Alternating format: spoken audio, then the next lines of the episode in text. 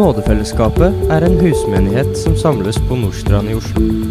Vi håper at forsyndelsen du nå skal få høre, vil bevare og velsigne deg i Herren Jesus Kristus.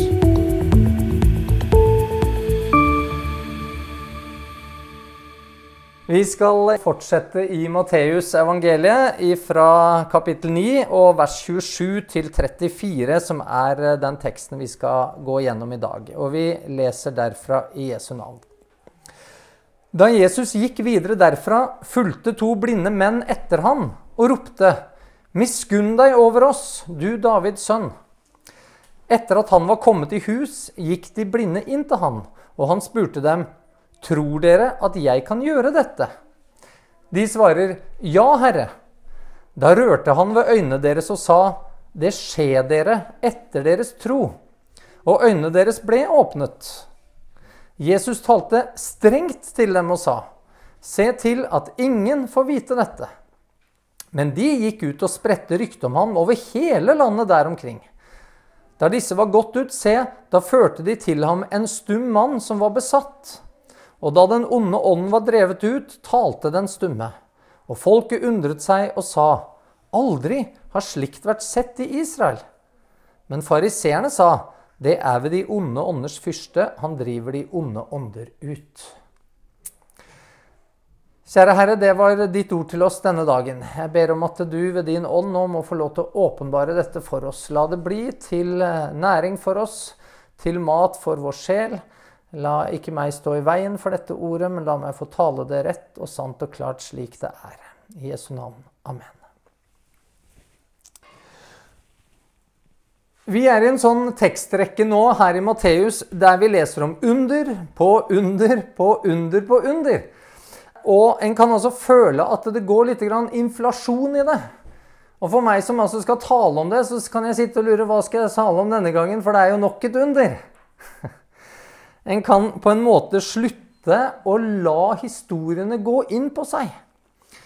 En har liksom lest det før, og så kan det føles litt sånn fjernt og, og litt uvirkelig kanskje til og med. Ja, altså Jesus gjorde folk friske. Det blir liksom en selvfølge. Det, det, er noe, det, er ikke noe, stor overraskelse på en måte at disse to blinde blir, begynner å se. Altså, Han har nettopp vekka et menneske opp fra de døde. Og det er liksom veldig vanskelig å etter hvert la seg begeistre så mye da over disse historiene. Og så er det kanskje lett å tenke at om jeg hadde opplevd dette nå, liksom i min tid, sett dette her selv osv., da ville det liksom blitt levende for meg. Da ville det bety noen ting. Og så vitner Bibelen om at den opplevelsen vi kan føle på, sannsynligvis også var en realitet på den tida. Det kan vi se på flere måter, men en av de er f.eks. at det, kan virke som at fariseerne ved et par anledninger benytter seg av syke mennesker. De plasserer de på et bestemt sted, sånn at Jesus nærmest skal bli lokka til å helbrede de. Og da er det gjerne i forbindelse med sabbaten. Og det gjør de jo ikke fordi de har noe omtanke for denne syke, eller fordi de gleder seg over at eh, denne mannen med en vissen hånd f.eks. blir frisk. Men de bruker det bare rett og slett for å få noe å ta Jesus for. Og når vi kan lese dette, så synes det som om helbredelser på denne tida nærmest er blitt litt sånn normalisert. Det, det, det, skaper ikke lenger en sånn reaksjon som det vi kunne forvente at slike store ting skulle ha skapt hos oss. Og når forventninger er skapt, så, så slutter man å være takknemlig. Og så blir man heller skuffa når forventningene ikke blir innfridd, istedenfor at man er takknemlig for det som faktisk skjer. Når noe blir normalt, så slutter vi raskt å glede oss over det. Vi lever jo f.eks. egentlig historisk sett i en helt unormal tid.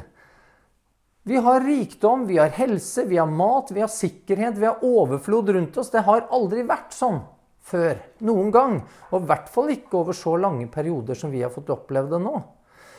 Og Samtidig er dette blitt så normalt for oss at vi lar oss ikke så lett begeistre av denne virkeligheten. Tvert imot så kan det heller virke som om vi er blitt utakknemlige, vi er blitt kravstore, og så søker mennesker stadig mer ekstreme ting, kan det virke som. Vi, vi ønsker oss liksom bort fra denne normalen, for den er litt sånn kjedelig. Vi, vi må oppleve noe større, noe mer ekstremt, for å for, liksom kjenne noe, for å oppleve noe, for å føle at vi lever. Og så synes det som at vi tåler mindre og klager mer.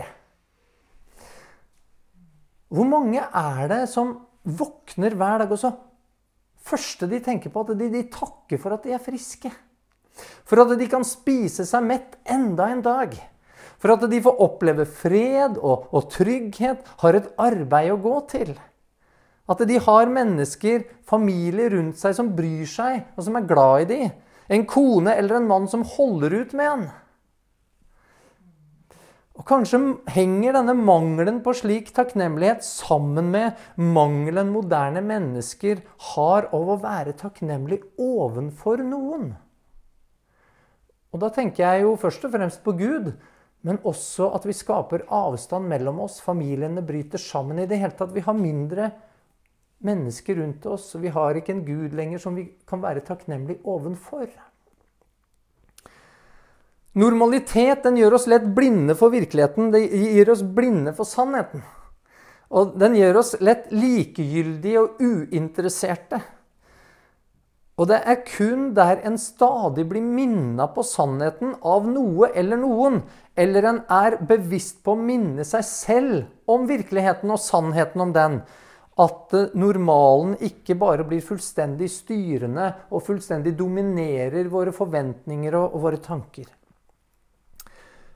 I dagens tekst så møter vi to som hele tiden blir minna om at deres normal den er ikke slik den burde være. De er jo blinde, altså rent fysisk sett, og, og denne normalen det er så handikappende for disse to at de kan altså ikke unngå å være klar over den. De er altså ikke blinde for sin egen tilstand. De ser at her trengs det en forandring. Og Derfor så søker de dit hvor forandring er mulig å finne. Deres tilstand, deres normal, har gjort at de begynner å søke Jesus. De har funnet han nå, og så driver de og full, følger etter han mens de driver og roper for å få hans oppmerksomhet. De vet jo strengt tatt ikke alltid hvor han er hen. De bare hører folkemengden, og de, de, de hører at folk snakker om Jesus osv. Og, så videre, og kanskje hører de stemmen til Jesus òg, hvis de kjente den igjen. Men, men de, de bare følger etter her. Og umiddelbart her i denne teksten så er det noe som fanger min nysgjerrighet. For i teksten rett forut for denne så ser vi at Jesus han er på vei på et viktig oppdrag. Han er på vei til å redde ei jente som ligger der for døden. Han altså var på vei mot noe som var veldig viktig. Og likevel så leste vi at Jesus han stoppa opp, og så brukte han tid på en kvinne som rørte ved kappa hans. Hun var jo allerede blitt frisk, han kunne bare fortsatt å gå, sant? men han stopper opp, han tar seg av henne, viser henne oppmerksomhet, omsorg, trøster og oppmuntrer henne. Snak, hvor, hvor, lang tid han bruker her med å snakke med henne, vet vi jo ikke helt. Men det vi vet, er i hvert fall det er lang nok tid som blir brukt fra han får høre om denne døende jenta, til nå etter han har stoppa å prate med denne kvinnen, at denne lille jenta hun dør i mellomtida. Her i dagens tekst så er det altså to blinde menn som følger etter Jesus. Og de roper på han, står det. Og det ordet som er brukt, det vitner om at dette var ikke bare sånn forsiktig roping. Dette var intense greier. De, de, virkelig prøver alt de kan på å fange Jesus sin oppmerksomhet. Og Likevel så stopper han ikke. Det kan virke som om Jesus ikke har det travelt engang. Det, det er liksom ikke noe bestemt han må rekke. Han er ikke på vei for å redde noen slik som en døende jente. Og Likevel så stopper han altså ikke opp. Det står bare at Jesus kom i hus. Og Vi vet ikke hvor langt det var de blinde altså måtte følge etter Jesus her. Hvor lenge de måtte gå og rope, og uten å oppleve at Jesus han svarte de. Men det kan altså ha vært en stund. Det kan ha vært en, en god stund, kanskje. Og Disse kan altså da ha opplevd at Jesus rett og slett overså dem. At deres tro blir prøvet. At Jesus ikke brydde seg Og så må altså disse to stakkarene som ikke kan se, de må altså prøve der å holde følge med Jesus idet han bare går videre. Og de vet ikke hvor han skal. De vet ikke hvor lang tid det vil ta å komme dit han skal. I det hele tatt, de vet ingenting. Og likevel så følger de etter. Så sitter jeg og lurer hvorfor skjer dette akkurat med disse to? For dette er tross alt to menn som ut ifra hva de roper, så vitner de om at dette er mennesker som hadde en stor tro, en sann tro. For de roper 'Miskunn deg over oss, du Davids sønn'. De roper ikke 'Hjelp oss, Jesus! Hjelp oss!' Nei, de ber først og fremst om miskunn. Og når du roper om miskunn, så er det fordi du erkjenner at du ikke har krav på noen ting. Moderne mennesker får høre i reklamen 'Du fortjener det'. Du fortjener det. Det skapes kravmentalitet fordi vi har et stat som nærmest gjør at du skal kreve at staten skal komme inn og hjelpe deg til enhver tid. Disse mennene er ikke slik. De ber om å få slippe å få det de vet de fortjener. Det er det miskunn betyr. Å slippe å få det du fortjener. Disse mennene som er blinde, synes å ha sett mer enn de aller fleste i sin samtid. De har forstått altså dype bibelske sannheter. Og ikke bare erkjenner de sannheten om seg selv, eh, men de vitner også sant om hvem Jesus er. De er nemlig veldig tidlig ute med å kalle Jesus for Davids sønn. Og vi vet at det er jo det folkemengden sier på palmesøndag. Da er det en god gjeng som står og roper 'Davids sønn'. Hvor mye det hjalp, kan man jo lure på når de noen få dager etterpå roper 'korsfest, korsfest'. Så all bekjennelse med munnen er ikke nødvendigvis en sann bekjennelse. Og dette vet vi veldig godt, vi som har lest Matteus og gått gjennom Matteus 7. En bekjennelse med munnen den kan være falsk. Men Davids sønn, det er, den tittelen det er en messiansk tittel. Og Det er en tittel som vi kan spore tilbake til 2. Samuels bok, kapittel 7, hvor profeten Natan han formidler ord ifra Herren til kong David. Og så sier han, 'Ditt hus og ditt kongedømme skal stå fast til evig tid for ditt åsyn.' 'Og din trone skal være grunnfestet til evig tid.' Og Fariseerne de visste godt hva denne tittelen betød. Eh, og Den siste uken før Jesus ble korsfesta, spør Jesus dem eh, om hvordan David kan kalle Messias for herre når han samtidig er Davids sønn. Altså, Du kalte ikke en sønnen din for herre. Sant? Det var en rangordning, det var et patriarkat, som det heter. Man hadde respekt for de eldre. Og dette spørsmålet det klarte, eller det ville ikke fariseerne svare på. Fordi dersom de svarte rett på det, så måtte de nemlig innrømme at Messias umulig bare kunne være et menneske. Det var det som var problemet her. Og grunnen til det, som de også visste, det finner vi i Jesaja kapittel 11 vers 1, hvor det står Men en kvist skal skyte fram av Isais stubb, og et skudd fra hans røtter skal bære frukt. Og Dette er jo en annen profeti om hvem Messias er. Og Profeten forteller at Messias skal komme fra Isais stubb. altså Isai var jo Davids far. Messias skal altså være en etterkommer av Isai.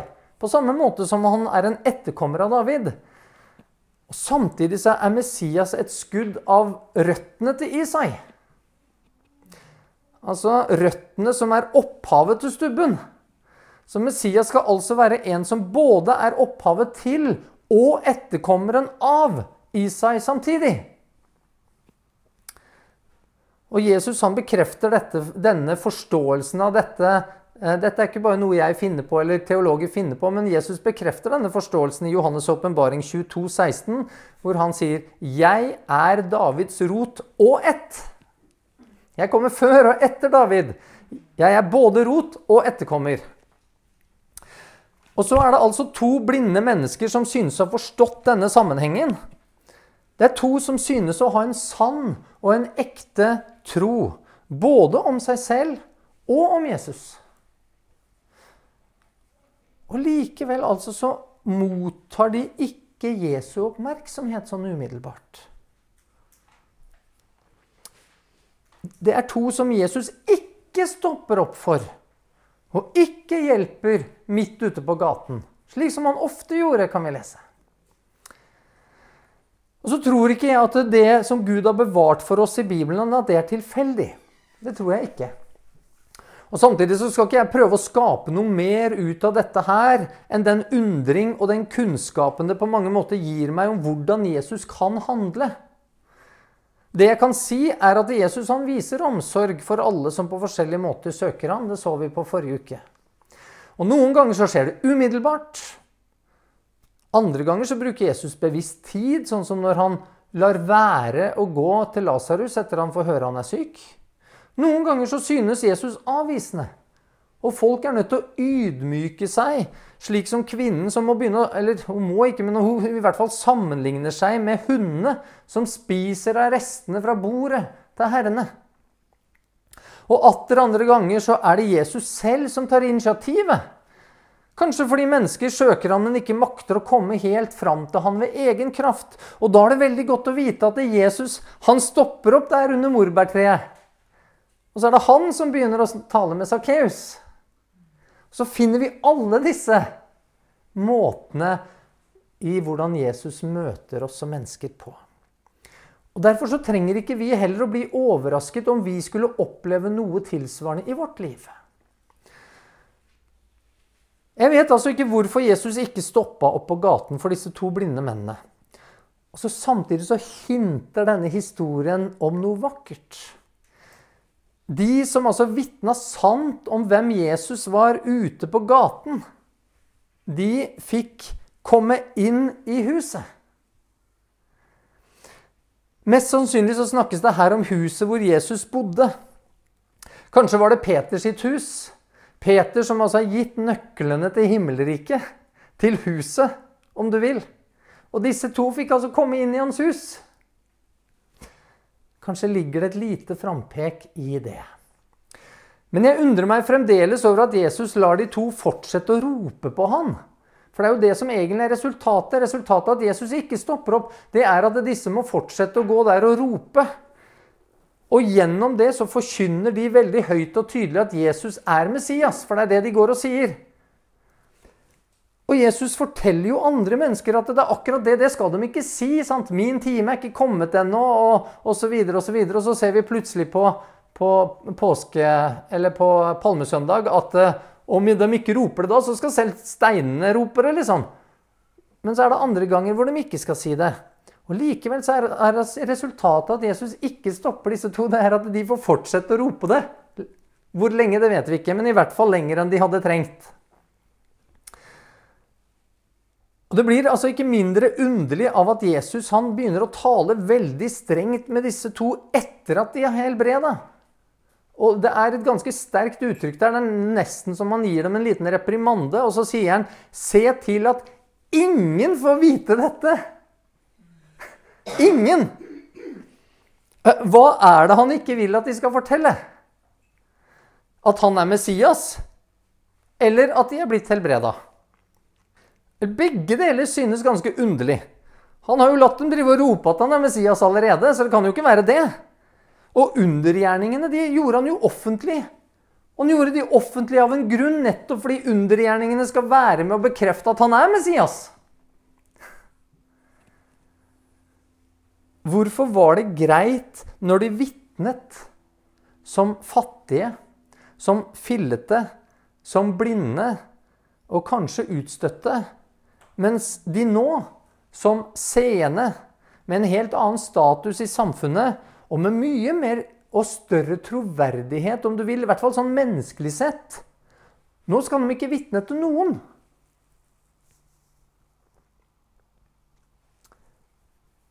Jeg kan ikke gi et konkret altså Jeg kan ikke være helt sikker på et svar her. Kanskje viser Jesu handlinger oss litt om hva som er viktig vitnesbyrdet om at vi trenger miskunn. At vi trenger miskunn fra den som Gud har sendt til jord for å frelse syndere. Det er et vitnesbyrd som alle må høre, og han lar det bli forkynt. Kanskje det er nettopp derfor han lar de få lov til å gå der og rope. Fordi det at de sier 'ha miskunn deg over oss', er så mye viktigere å få forkynt at det overgår det at de ikke burde si at han var Messias. For det er det vi trenger å forstå, det er det vi trenger å se, først og fremst. Vi trenger miskunn. Og så er det slik at uh, vitnesbyrd om helbredelse det kan veldig lett komme i veien for akkurat det. Fordi helbredelse og undergjerninger er gjerne noe som folk vil høre noe om. Det er bare å se på hvordan du samler folk. Hvis jeg ville mangedobla denne forsamlingen her, så hadde det vært lett. Jeg kunne bare begynt å tale slik som klør i øret. Jeg kunne begynne å fokusere på helbredelser og under og tegn osv. Og, så og så skulle vi blitt mange flere enn det vi er nå. Det hadde ikke vært noe vanskelig i det hele tatt. Så er det lett at det blir altfor mye fokus på akkurat dette. Og Det kan derfor fort erstatte vitnesbyrdet om at mennesker er syndere som trenger miskunn og nåde. Og ikke minst fordi det er noe som mennesker liker å høre. Og Jesus han viser seinere at dette faktisk er blitt et problem. Han, han sier at mennesker bare kommer til han pga. undrene han gjør. Han sier at 'dere kommer bare fordi dere spiste dere mette av brødene', sier han. Dere er ikke interessert i meg. Dere er bare interessert i underne jeg gjør. Undrene viste jo at Jesus hadde den makt som han sa han hadde, og derfor så var de nødvendige. Og Samtidig kunne de, når de kom i fokus, altså lett skygge for virkeligheten av hvem Jesus var, og hvorfor ikke minst han var kommet. Og Undergjerningene ble normalisert, og så begynte det å skape forventninger som overskygget de virkelige behovene. Merk dere at de blinde de ber aldri direkte om å få synet tilbake. De ber om miskunn. Og Jesus spør dem om de tror at han kan gjøre det de ber om. Det kan virke litt grann eh, småfrekt, nesten, når han altså latt de gå der ute og bevist at dette er noe de virkelig vil, dette er virkelig noe de tror. Og så kommer de endelig fram, og endelig får de slippe til, og så stiller han det spørsmålet, liksom. Men de svarer at det tror de. Og deres bekjennelse er derfor at de tror Jesus kan gi dem miskunn. Det er det de bekjenner. At Jesus er den som kan la dem slippe å få det de fortjener. Altså miskunn. At Jesus også kan gi dem det de ikke fortjener, nemlig nåde.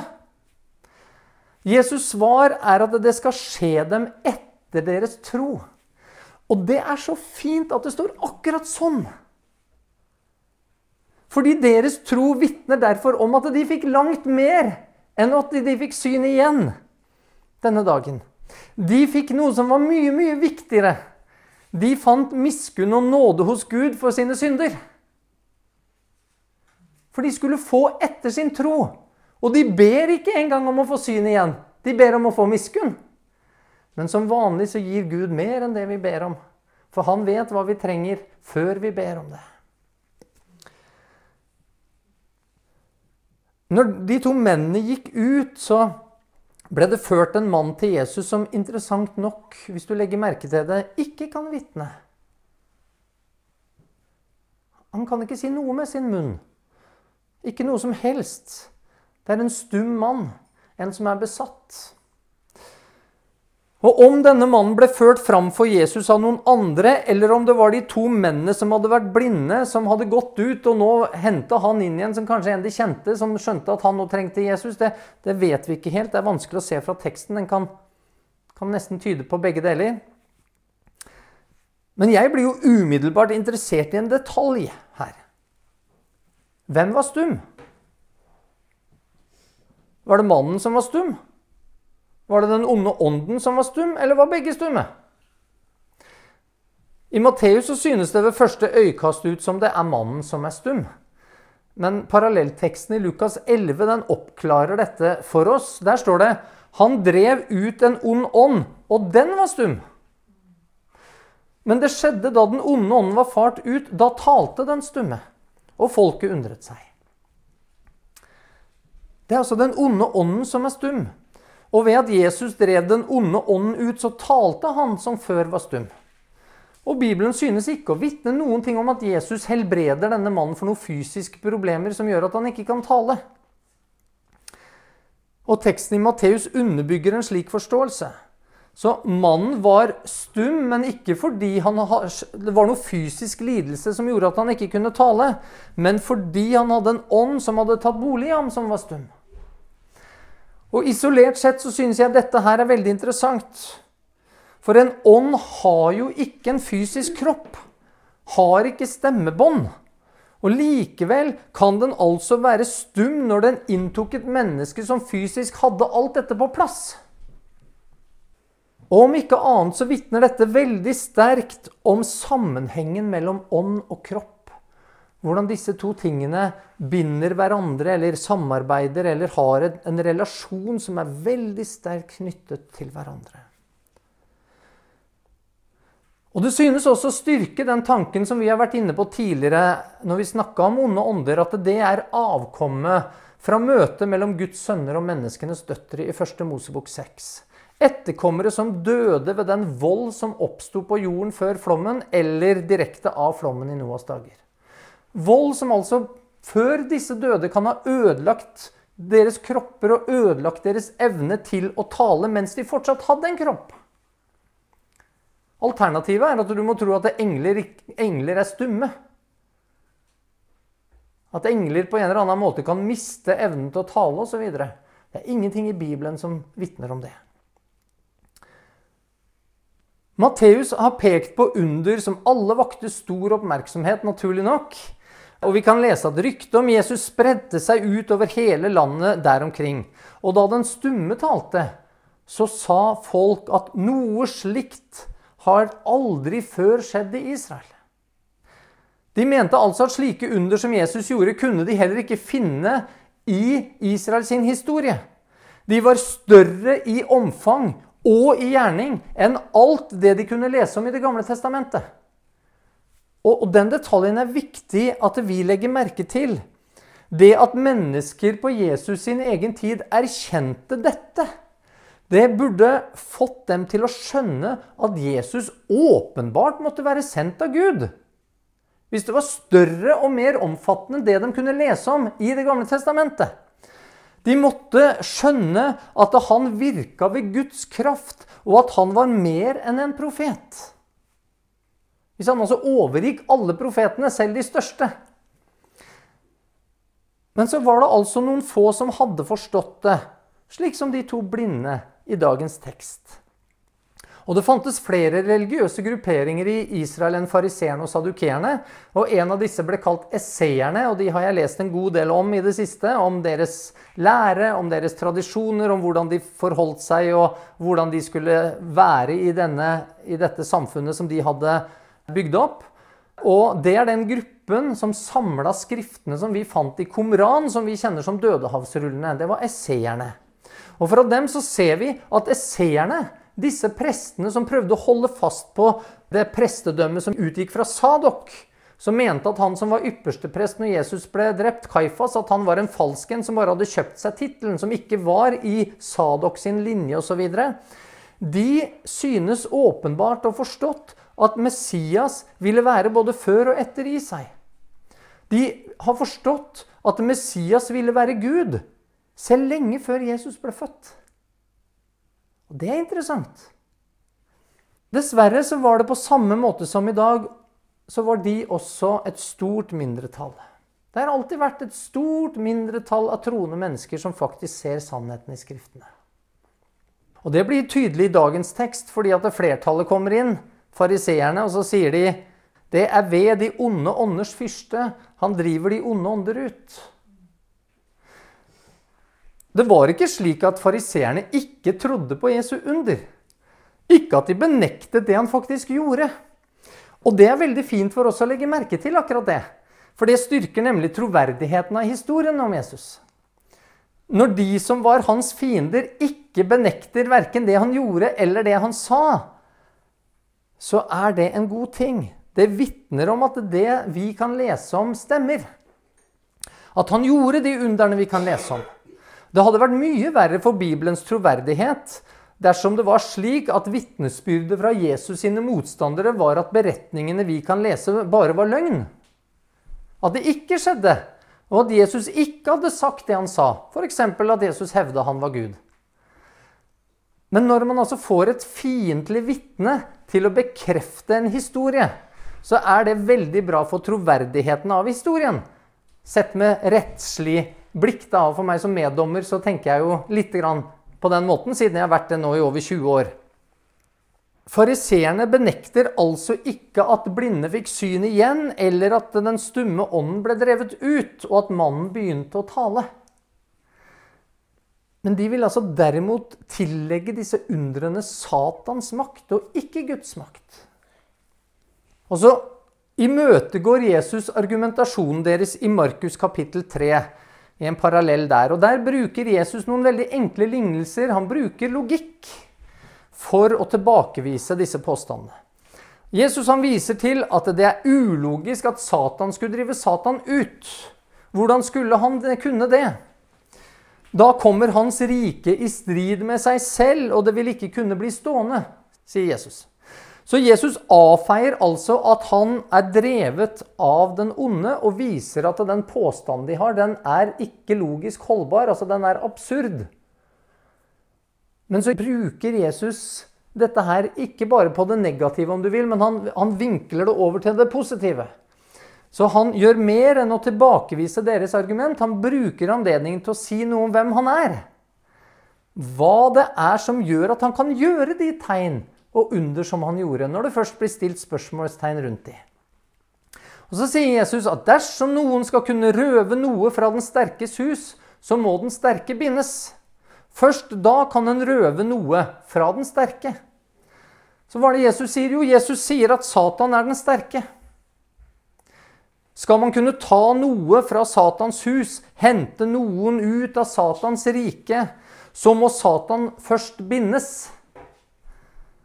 Og da er det kanskje lett å begynne å tenke slik ganske mange, kanskje flertallet i den kristne kirke nå tenker, er at Jesus nå egentlig bekrefter at Satan nå er i dette fangehullet. Han er bundet, slik vi kan lese om at han skal bli i de tusen årene når Jesus regjerer på Davids trone etter at Jesus er kommet igjen. Men veldig mange mener at det, altså, dette her skal liksom bekrefte at, Jesus, at Satan nå er bundet. Og, og det har han vært i 2000 år. For Jesus han regjerer i himmelen, på tronen i himmelen.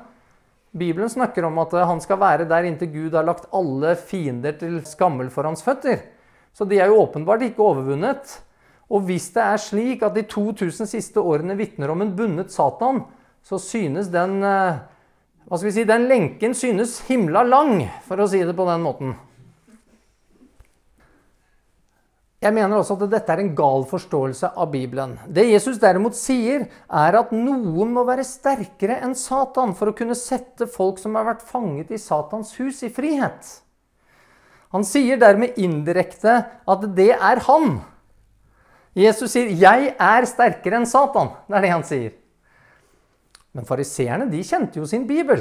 Og de visste f.eks. fra Daniels bok kapittel 10 at det er kamp i åndeverdenen.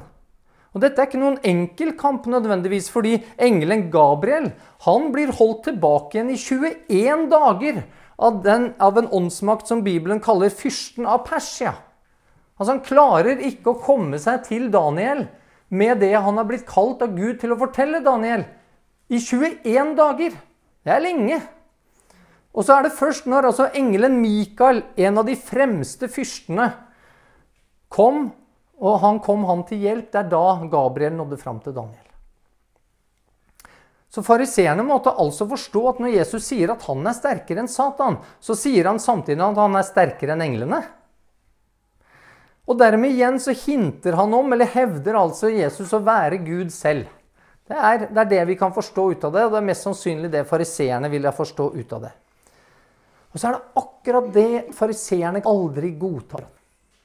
Deres teologi gjorde dette umulig for dem.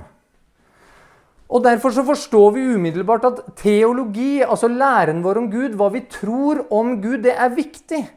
Det er ikke bare å tro hva som helst. Det er ikke bare å late som at temaer som Bibelen tar opp, ikke er viktige.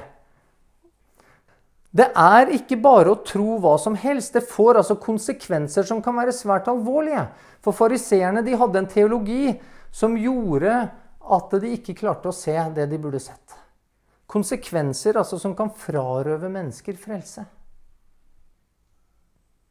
Og så kan vi så lett tenke at det er de vise, de lærde, professorene og teologene som sitter med sannheten om hva Bibelen sier. Og slik tenkte nok mange i enda større grad på Jesus sin tid. Fordi at forskjellen mellom lek og lærd den gang var mye større enn i dag. Fordi at man hadde ikke tilgang på samme undervisning som vi har nå. Man hadde ikke Bibel i huset sitt. Og omtrent ingen vanlige folk som hadde Toran og disse rullene. Det, det, det kosta jo en formue. Det var stort sett bare i synagogene de var.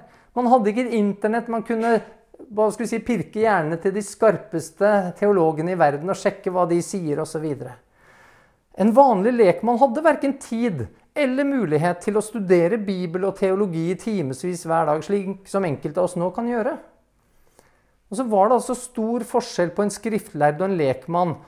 Og den lekmann kunne mest sannsynlig i tillegg være analfabet.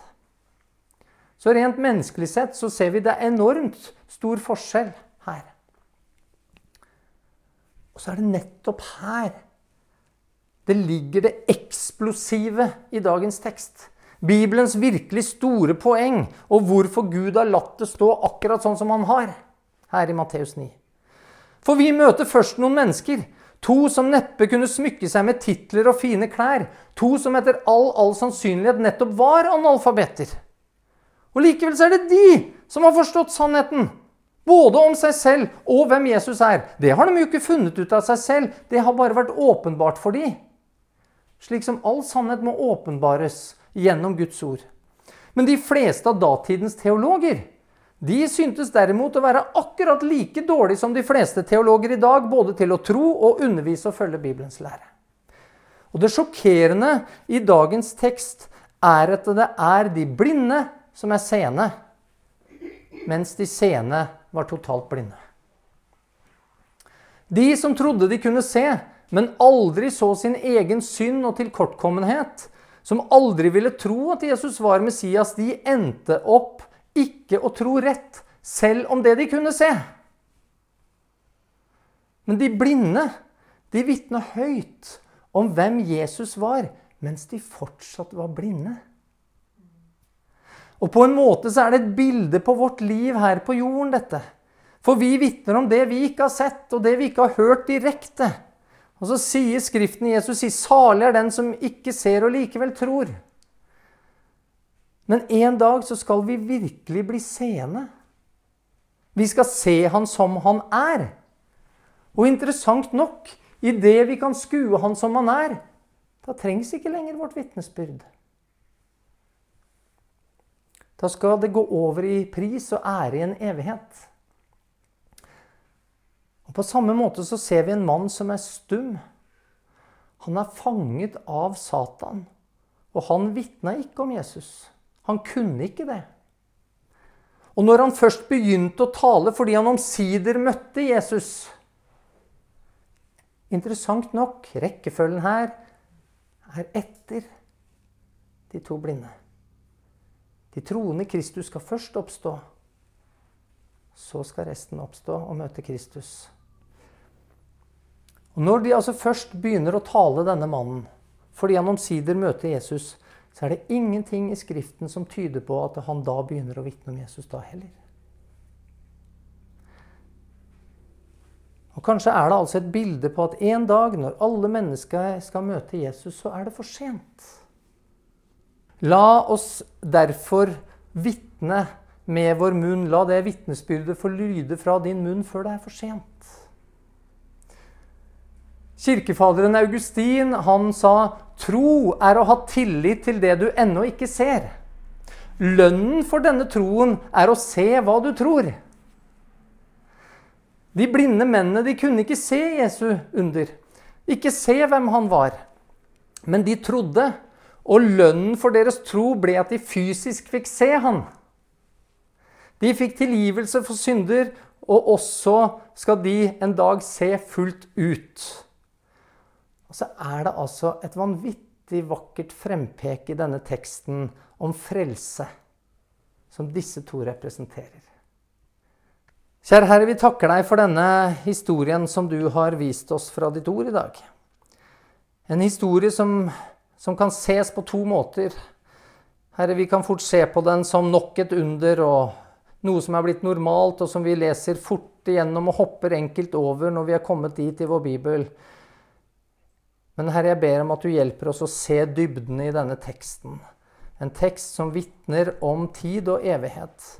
En tekst som vitner om at uh, enten så vitner man på tross av det man ser, eller så vitner man ikke fordi man er bundet av noe annet.